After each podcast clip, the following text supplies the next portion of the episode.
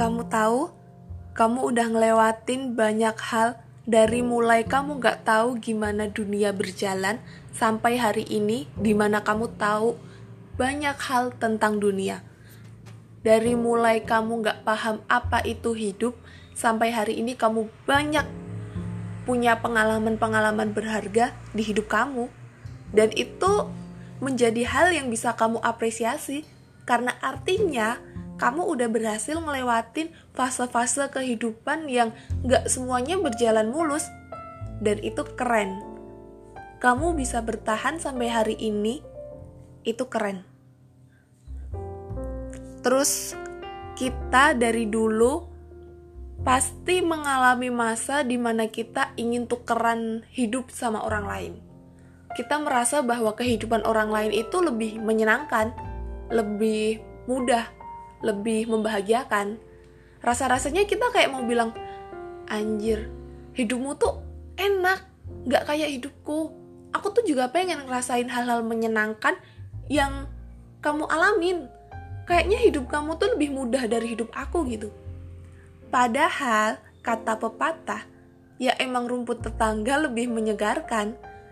Dan meskipun kamu sering atau beberapa kali bilang bahwa kamu ingin tekeran hidup sama orang lain, tapi kamu tetap bertahan di hidupmu, kamu tetap menyelesaikan banyak tanggung jawabmu, kamu gak lari dari keadaan meskipun kamu bisa, dan kamu tetap menjalani hari-hari kamu. Entah itu karena kamu terpaksa, entah itu karena kamu dituntut kewajiban, tapi dengan kamu menyelesaikan step by step dari kehidupan dan bisa sampai pada hari ini, meskipun kamu ingin tukeran hidup sama orang lain, kamu keren sih. Kamu tetap mau menjalani hari-hari kamu yang gak semudah kehidupan orang lain yang terlihat. Padahal ya emang tiap-tiap dari kita punya jalan masing-masing buat menjalani hidup. Kehidupanku yang terlihat menyenangkan belum tentu menjadi hal menyenangkan untuk kamu. Dan kehidupan kamu yang terlihat mudah belum tentu mudah untuk aku. Thank you. Kamu udah bisa bertahan melewati step by step dari hidup dan bertahan sampai hari ini. Terus, alasan kenapa kamu harus mengapresiasi diri kamu sendiri? Karena kamu sudah mau keluar dari zona nyaman kamu. Terima kasih untuk diri kamu sendiri yang mau mengembangkan diri kamu. Kamu mau belajar hal-hal baru, kamu mau ketemu dengan orang-orang baru, kamu kenalan sama teman-teman baru, kamu berdamai dengan diri kamu sendiri, dan kamu mencoba keluar dari zona kamu buat ketemu banyak orang, itu udah satu pencapaian yang menurut aku perlu kamu apresiasi. Karena nggak semua orang bisa dengan mudah membuka jaringan-jaringan baru, membuka pertemanan baru, mau keluar dari zona nyaman, dan berdamai dengan diri sendiri dengan segala keadaan yang udah kamu lewati. Kamu bisa masuk ke zona lain dan kamu menemukan kehidupan-kehidupan lain yang sebelumnya gak kamu rasain. Kamu mau keluar dari zona nyaman, itu satu hal yang perlu kamu apresiasi karena artinya kamu mau berkembang dan kamu mau menjadi pribadi yang lebih baik. Meskipun banyak hal menyakitkan yang ada di benak kamu, trauma-trauma yang terus menghantui kamu, tapi kamu tetap peduli dengan diri sendiri dengan terus berusaha jadi pribadi yang lebih baik. Itu keren sih, kamu bisa jadi diri kamu sendiri, mengembangkan diri, keluar dari zona nyaman, dan bertahan di kehidupan kamu. Sampai hari ini, itu perlu diapresiasi. Terus kenapa kamu harus mengapresiasi diri kamu sendiri? Um, banyak alasan kenapa kamu bertahan sampai hari ini dan alasan-alasan yang membuat kamu bertahan itu adalah hal-hal penting di hidup kamu yang kamu pegang sampai hari ini itu artinya ya memang kamu perlu mengapresiasi diri kamu sendiri karena kamu masih ada keinginan untuk hidup dan memperjuangkan apa yang emang ingin kamu perjuangkan. Terus, kamu butuh alasan lagi kenapa kamu harus mengapresiasi diri kamu sendiri? Karena kamu mau buat kenal sama diri kamu sendiri dan kamu mau menikmati hidup kamu sendiri. Itu satu pencapaian yang bisa kamu apresiasi Karena apa? Karena nggak semua orang mau menikmati hidupnya dengan segala hal yang datang, segala hal menyakitkan yang datang, nggak semua orang bisa menerima kenyataan itu dan bisa menikmati hidup. Sedangkan kalau kamu sampai hari ini bisa ngerasain kopi yang enak, makanan yang enak, enak dalam definisi nyaman, bahwa kamu masih bisa minum kopi dengan tenang, dengan jiwa yang tenang, kamu bisa makan tanpa ada gangguan pencernaan tiap kamu kelar makan, kamu bisa dengan tenang duduk, memikirkan hal-hal jernih tentang hidup. Itu artinya kamu masih bisa menikmati hidup kamu masih bisa bersyukur bahwa kamu memiliki hal-hal yang gak semua orang bisa dapetin. Kamu punya pengalaman yang keren, kamu bisa jadi diri kamu sendiri, kamu bisa menikmati hidup kamu, kamu mau keluar dari zona nyaman dan ketemu banyak orang, dan kamu akhirnya ada pada titik di mana kamu punya karakter yang kuat, karakter kuat yang tercipta bukan dari satu atau dua hal saja, kamu justru terbentuk dari tempaan-tempaan peristiwa yang menguatkan, tumbuh dari masalah-masalah yang mengajarimu untuk bertahan dan menghadapi semua dengan bilang, ya udah sih aku hadapin aja, ngapain juga lari, nggak ada gunanya. Aku bakal ngadepin hal ini untuk aku bisa bertahan di hari-hari yang akan datang. Kamu keren kalau kamu masih bisa menikmati hidup kamu dan kamu mau mengembangkan diri kamu dan kamu bisa menjadi diri kamu sendiri. Hal-hal itu adalah hal-hal kecil yang memang sangat patut kamu apresiasi. Karena untuk mengapresiasi diri sendiri gak perlu pencapaian-pencapaian besar. Dengan kamu bisa menjalani hari-hari kamu sebagai diri kamu sendiri, itu adalah pencapaian yang gak semua orang bisa dapat, karena nggak semua orang bisa tahu bagaimana damainya menjadi diri sendiri. Kamu akhirnya sampai pada titik di mana kamu bisa bersikap dan melangkah, kamu bisa mengenal dunia lebih luas, kamu tahu bahwa dunia bukan hanya justifikasi hitam dan putih, dan kamu akhirnya paham gimana caranya ngadepin kehidupan setelah kamu ngelewatin banyak hal di hidup kamu. Meskipun dari seluruh apresiasi yang kita punya ini, kita mungkin saja tetap akan mengalami kekecewaan terhadap apa pun yang datang, terutama terhadap ekspektasi diri kita sendiri. Meskipun kita udah belajar tentang kekecewaan pada segala harap dunia, tentang pesimisme yang mengharap mengharapkan um, sorry tentang pesis pesis tentang pesimisme yang menghadang langkah kaki. Gila susah banget ngomong pesimisme.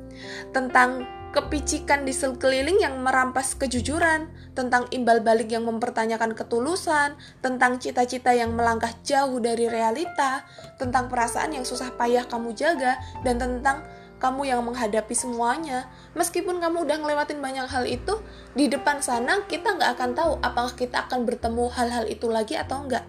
Tapi setidaknya, kalaupun kita ketemu dengan hal-hal itu, kita udah tahu bersikap. Kita udah tahu bagaimana kita harus melangkah. Kita punya pengalaman-pengalaman keren, dan kita tetap akan bisa jadi diri kita sendiri meskipun kita dihadapkan pada segala situasi dan dengan kamu bisa jadi diri kamu sendiri, kamu bisa menikmati hidup, itu artinya hidup kamu perlu mendapat apresiasi dari diri kamu sendiri.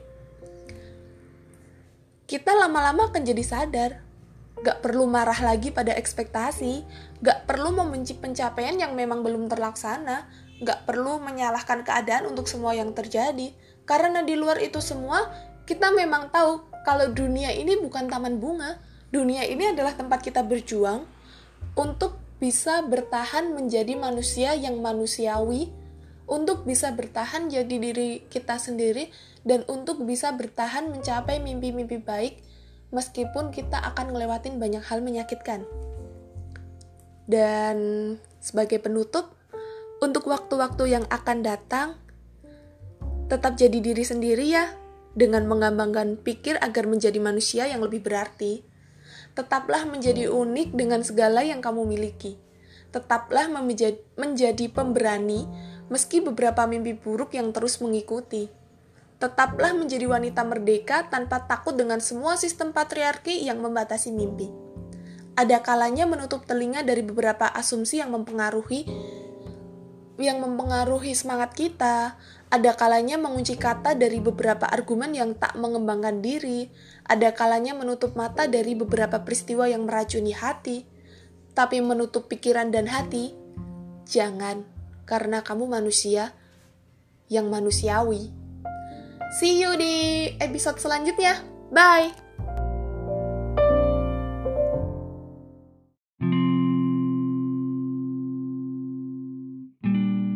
Hai geng, balik lagi di ruangan ini.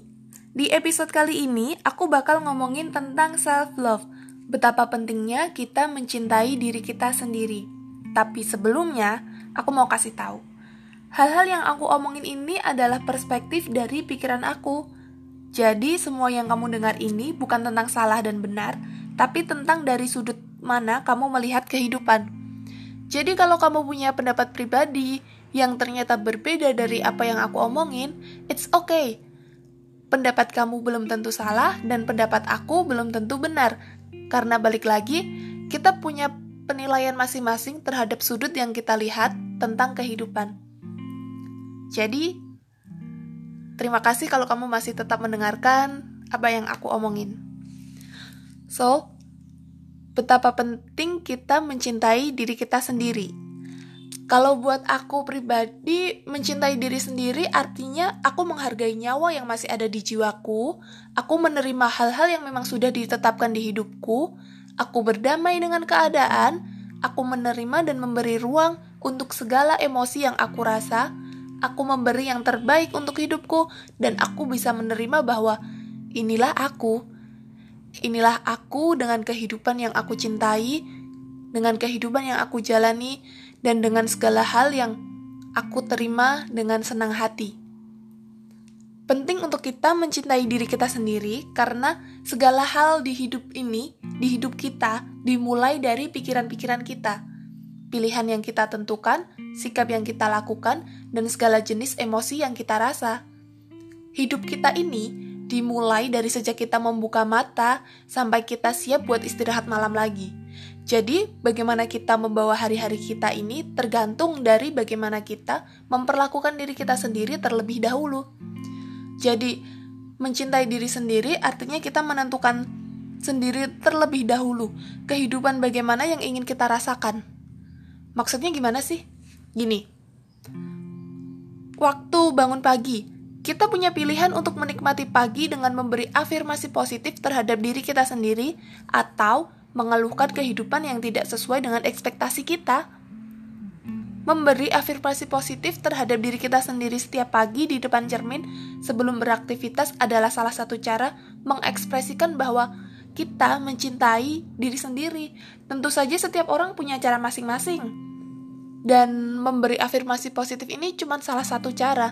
Contohnya gini, setiap bangun tidur, di cermin kamar itu ada tulisan kayak gini. Aku menerima hidupku dengan baik dan aku menerima segala perasaan yang datang. Itu aku ucapin setiap pagi pas di depan cermin dan menurut aku itu cukup membantu mental aku buat lebih lapang dalam menghadapi perasaan-perasaan yang datang di hari itu. Kayak gitu. Itu salah satu contoh dan kamu pasti punya cara masing-masing buat mengekspresikan bahwa memang kamu mencintai diri kamu sendiri. Jadi mencintai diri sendiri penting karena kitalah yang jadi peran utama dalam dunia kecil kita. Jangan merasa bahwa kamu hanya peran tambahan di hidup ini. Nggak gitu. Ini hidup milik kamu dan kamu yang jadi peran utama. Mau bagaimanapun kamu, kamu tetap punya kendali atas hidup kamu sendiri. Ya tentu saja dengan kendali Tuhan. Tapi maksud aku gini, misal di lingkungan kampus, kita lihat kehidupan si A, si perempuan cantik, banyak dikenal, pinter, pokoknya sesuai sama standar masyarakat. Lalu kita ngerasa bahwa kok hidup dia kayak di film-film sedangkan aku enggak padahal ya hidup kita peran utamanya kita bukan orang lain dan menerima bahwa kita yang punya hidup ini kita jalani itu salah satu cara juga kalau kita mencintai diri kita sendiri. Kita harus jadi yang pertama untuk menerima ketentuan Tuhan. Sorry kita harus jadi yang pertama untuk menerima ketentuan Tuhan terhadap hidup kita. Kita harus jadi yang pertama untuk berdamai dengan segala keadaan yang datang sebelum kita mengharapkan orang lain paham atas hidup dan perasaan kita. Maksudnya gini, bagaimana bisa kita mengharapkan orang lain paham atas hidup dan perasaan kita kalau kita saja nggak kenal sama diri kita sendiri? Bagaimana bisa kita mencintai orang lain sebelum kita mencintai diri kita sendiri? Bagaimana bisa kita menggantungkan kebahagiaan kita ke orang lain di saat kita saja tidak tahu bagaimana bisa bahagia dengan sendiri dir, dengan diri sendiri. Padahal semua orang berhak bahagia atas hidupnya masing-masing. Jadi kalau misal kita ketemu orang yang kelihatannya hidupnya kayak di film-film jadi pemeran utama, gimana bisa kita menerima diri kita sendiri kalau kita aja selalu ngomong, kok hidup dia enak sih? sedangkan aku tuh cuman kayak kentang aja gitu kayak umbi-umbian yang nggak punya peran apa pun di hidup ini padahal kamu punya waktu kamu sendiri kamu punya hidup kamu sendiri kita sama-sama punya 24 jam yang mau dibawa ke mana itu pilihan kita masing-masing. Yang memang jalan kita sama jalan orang lain tuh berbeda. Jadi sebelum kita mencintai orang lain dan mengharapkan orang lain paham atas hidup kita, harus kita harus kita sendiri yang mengenal diri kita sendiri. Harus kita sendiri yang paham bagaimana kita, bagaimana pikiran kita dan sadar bahwa kita punya hidup yang memang gak sama sama hidup orang lain. Bentuk mencintai diri sendiri itu yang gimana sih? Banyak cara untuk mengekspresikan bahwa kamu mencintai dirimu sendiri. Banyak sekali. Super banyak. Contohnya, contohnya gini, menjadi diri sendiri adalah bentuk nyata bahwa kita mencintai diri sendiri. Ribet ya ngomongnya. Um, sederhananya gini, kita mengapresiasi pencapaian yang sudah kita lakukan. Memberi afirmasi positif terhadap diri sendiri di setiap pagi, itu juga salah satu cara. Contoh lain, meluangkan waktu untuk istirahat dari seluruh agenda pekerjaan yang udah kita lakukan seharian, menikmati makanan favorit kita, memberi waktu untuk melakukan hobi-hobi kita, entah itu belajar make up, entah itu mancing, entah itu sepedaan, naik gunung, masak, ngobrol sama orang-orang yang kita sayang, terus memakai pakaian yang sesuai sama style kita, dan percaya diri dalam mengungkap, mengungkapkan isi kepala kita, itu juga salah satu bentuk bahwa kita percaya sama diri kita sendiri karena kita menerima hidup kita. Kita mencintai diri kita sendiri dan kita percaya bahwa isi kepala kita adalah bentuk dari olah pikiran kita mengupgrade, diri, meningkatkan skill, itu juga salah satu uh, salah satu bentuk nyata bahwa kita mencintai diri kita sendiri. Karena mencintai diri sendiri bukan berarti kita cuma cukup menerima segala hal. Tapi mencintai diri kita sendiri itu artinya kita akan memberikan yang terbaik untuk diri kita sendiri. Dengan ngembangin hobi, ningkatin prestasi. Itu salah satu cara sih. Kemudian contoh lain, yang penting tapi sering diabaikan. Berani untuk bilang tidak sama apa pun yang memang gak sesuai sama diri kita sendiri. Semisal di lingkaran pertemanan nih, um, ada satu orang dom yang dominan, terus kita tuh selalu ngerasa bahwa kita harus nurut sama segala hal yang dia omongin Padahal itu nggak sesuai sama pikiran dan nilai-nilai kita. Kita harus berani bilang enggak. Enggak artinya ya enggak. Tidak artinya ya tidak. Jadi kalau misal kamu terus-terusan diminta untuk melakukan suatu hal yang sesuai yang yang enggak sesuai sama nilai-nilai kamu, kamu harus berani bilang tidak. Karena artinya kamu punya kendali atas diri kamu sendiri. Terus keluar dari lingkaran pertemanan toksik itu juga salah satu cara bentuk kamu mencintai diri kamu sendiri. Karena artinya kamu peduli dengan kesehatan mental kamu dan kamu ingin dirimu berada pada lingkaran yang memang sesuai sama nilai-nilai kamu. Itu contohnya.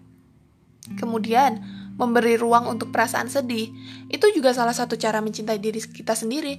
Karena sadar nggak sadar ya, kita tuh sering dituntut buat berpikir berpikir positif. Kita menolak perasaan-perasaan sedih itu, memaksakan diri untuk terus bersikap baik-baik aja. Padahal perasaan sedih itu nggak nggak apa-apa. Kita mau nangis sesenggukan, kita mau sedih dulu, kita mau marah, itu tuh nggak apa-apa. Asal kita mengekspresikannya secara tepat. Um, misalnya, kalau memang sedang ingin menangis, ya nggak apa-apa menangis. Itu salah satu bentuk bahwa kamu menerima perasaan itu dan perasaan-perasaan negatif yang datang itu emang cukup buat diterima sebelum akhirnya kita akan merasakan perasaan-perasaan positif yang lainnya. Karena kita bukan robot kan? Kita nggak bisa terus-terusan harus positif berpikir positif. Itu nggak bisa. Keluarin aja kesedihan-kesedihan kamu itu secara tepat itu. Dan segala hal yang aku omongin tadi itu salah satu bentuk mencintai diri kita sendiri dan kita menjadi tuan atas diri kita sendiri dalam segala tindakan. Ribet nggak sih dengerinnya tapi aku bakal coba buat belajar menyederhanakan omongan-omongan yang aku omongin di sini. Karena emang aku baru belajar juga sih. Balik lagi banyak cara untuk mencintai diri kita sendiri karena hidup yang kita miliki saat ini adalah tempat di mana kita bisa tampil unik sebagai diri kita sendiri. Kita punya style masing-masing gitu. Kalau emang kamu ingin terlihat tomboy it's okay itu pilihan kamu. Dan kalau memang kamu ingin terlihat feminim nggak apa-apa. Kamu punya jalan kamu sendiri gitu. Nggak perlu membanding-bandingkan aku benar dia salah. Dia benar aku salah gitu. Kayaknya iya itu. Terus menangis bersedih dan marah adalah emosi adalah emosi-emosi yang juga butuh ruang di diri kita untuk kita rasakan Nggak perlu maksain diri untuk terlihat positif seperti yang aku bilang tadi. Karena kita perlu menerima perasaan-perasaan yang datang dan berdamai dengan diri kita sendiri. Kalau kita udah menerima diri kita sendiri, kita berdamai dengan segala hal di hidup kita, lalu kita mencintai apa yang memang ada untuk kita. Percaya deh, kamu bakal ngerasain ketenangan di mana kamu bersyukur dan bisa mengapresiasi diri kamu sendiri. Kayak yang aku bilang di episode sebelumnya, kamu bakal ngerasain nikmatnya minum teh dengan perasaan tenang. Kamu bakal ngerasain nikmatnya ngobrol sehat sama orang-orang sekeliling kamu. Karena kamu sadar bahwa hidup nggak melulu tentang kebahagiaan, tapi juga nggak melulu tentang kesedihan. Semuanya seimbang. Kalau kata Bobby, dalam buku Pikiran yang Retak karya Robert B. Oxnam. Hidup ini keras, tapi menarik. Kematian itu mu kematian itu mudah, tapi membosankan. See you.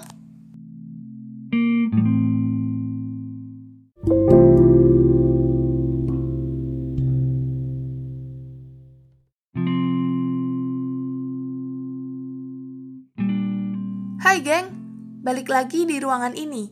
Di episode kali ini, aku bakal ngomongin tentang self-love. Betapa pentingnya kita mencintai diri kita sendiri. Tapi sebelumnya, aku mau kasih tahu.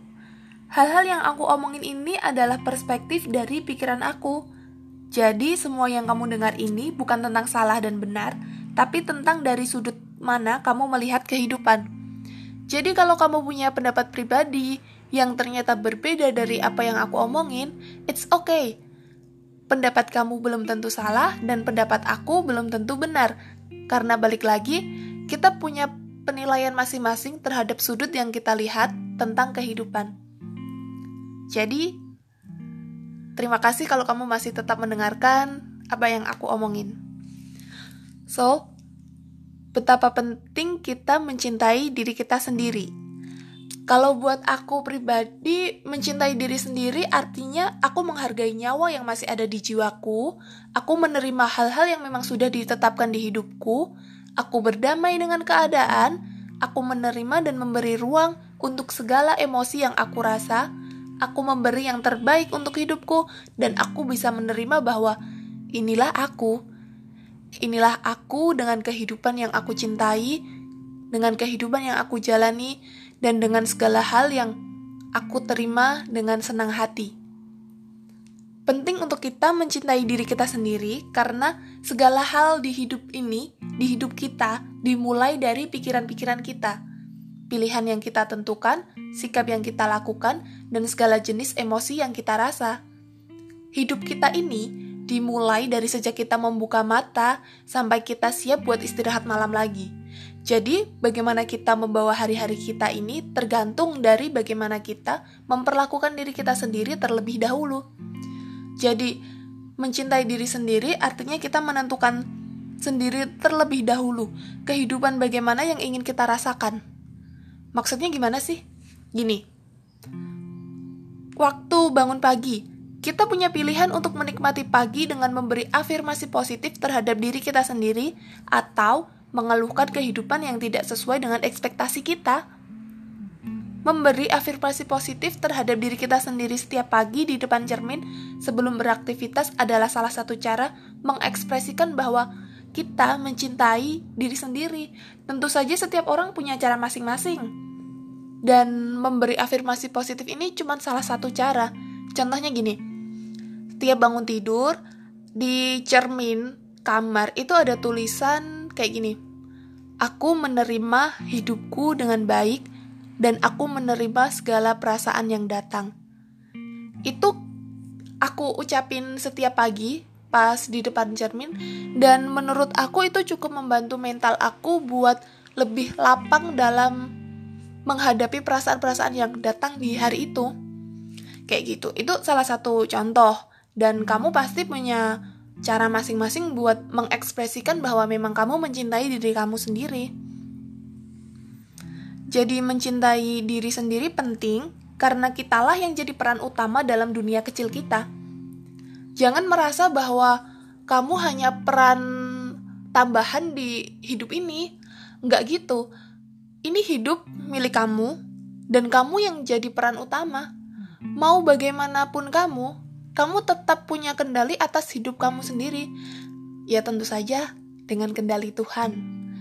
Tapi maksud aku gini, misal di lingkungan kampus, kita lihat kehidupan si A, si perempuan cantik, banyak dikenal, pinter, pokoknya sesuai sama standar masyarakat. Lalu kita ngerasa bahwa kok hidup dia kayak di film-film sedangkan aku enggak. Padahal ya hidup kita peran utamanya kita bukan orang lain. Dan menerima bahwa kita yang punya hidup ini kita jalani itu salah satu cara juga kalau kita mencintai diri kita sendiri. Kita harus jadi yang pertama untuk menerima ketentuan Tuhan. Sorry, kita harus jadi yang pertama untuk menerima ketentuan Tuhan terhadap hidup kita. Kita harus jadi yang pertama untuk berdamai dengan segala keadaan yang datang sebelum kita mengharapkan orang lain paham atas hidup dan perasaan kita. Maksudnya gini, bagaimana bisa kita mengharapkan orang lain paham atas hidup dan perasaan kita kalau kita saja nggak kenal sama diri kita sendiri? Bagaimana bisa kita mencintai orang lain sebelum kita mencintai diri kita sendiri? Bagaimana bisa kita menggantungkan kebahagiaan kita ke orang lain di saat kita saja tidak tahu bagaimana bisa bahagia dengan sendiri dir, dengan diri sendiri? Padahal semua orang berhak bahagia atas hidupnya masing-masing. Jadi kalau misal kita ketemu orang yang kelihatannya hidupnya kayak di film-film jadi pemeran utama, Gimana bisa kita menerima diri kita sendiri kalau kita aja selalu ngomong, hidup dia enak sih sedangkan aku tuh cuman kayak kentang aja gitu. Kayak umbi-umbian yang gak punya peran apa pun di hidup ini. Padahal kamu punya waktu kamu sendiri kamu punya hidup kamu sendiri. Kita sama-sama punya 24 jam. Yang mau dibawa ke mana itu pilihan kita masing-masing. Yang memang jalan kita sama jalan orang lain tuh berbeda jadi sebelum kita mencintai orang lain dan mengharapkan orang lain paham atas hidup kita, harus kita harus kita sendiri yang mengenal diri kita sendiri. Harus kita sendiri yang paham bagaimana kita, bagaimana pikiran kita dan sadar bahwa kita punya hidup yang memang gak sama sama hidup orang lain. Bentuk mencintai diri sendiri itu yang gimana sih? Banyak cara untuk mengekspresikan bahwa kamu mencintai dirimu sendiri. Banyak sekali.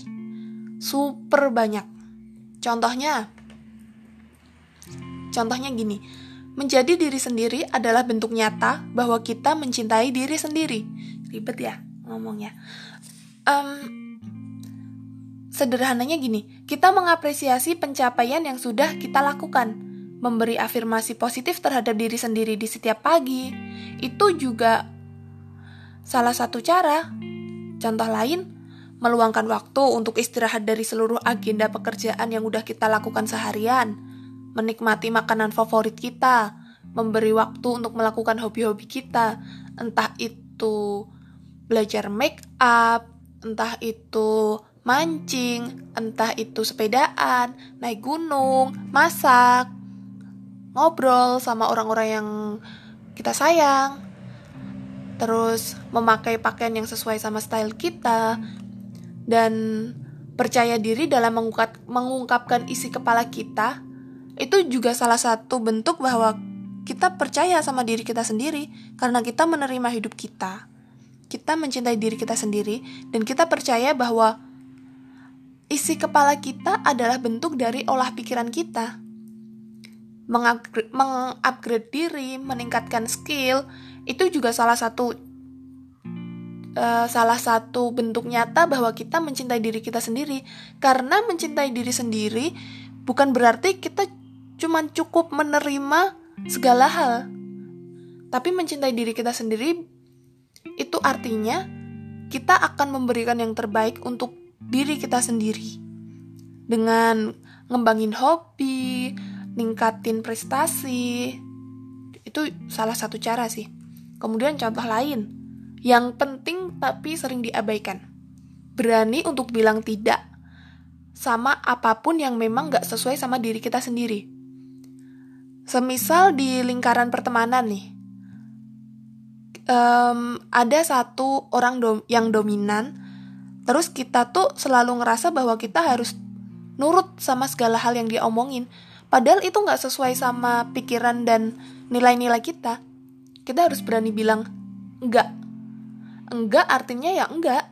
Tidak artinya ya tidak.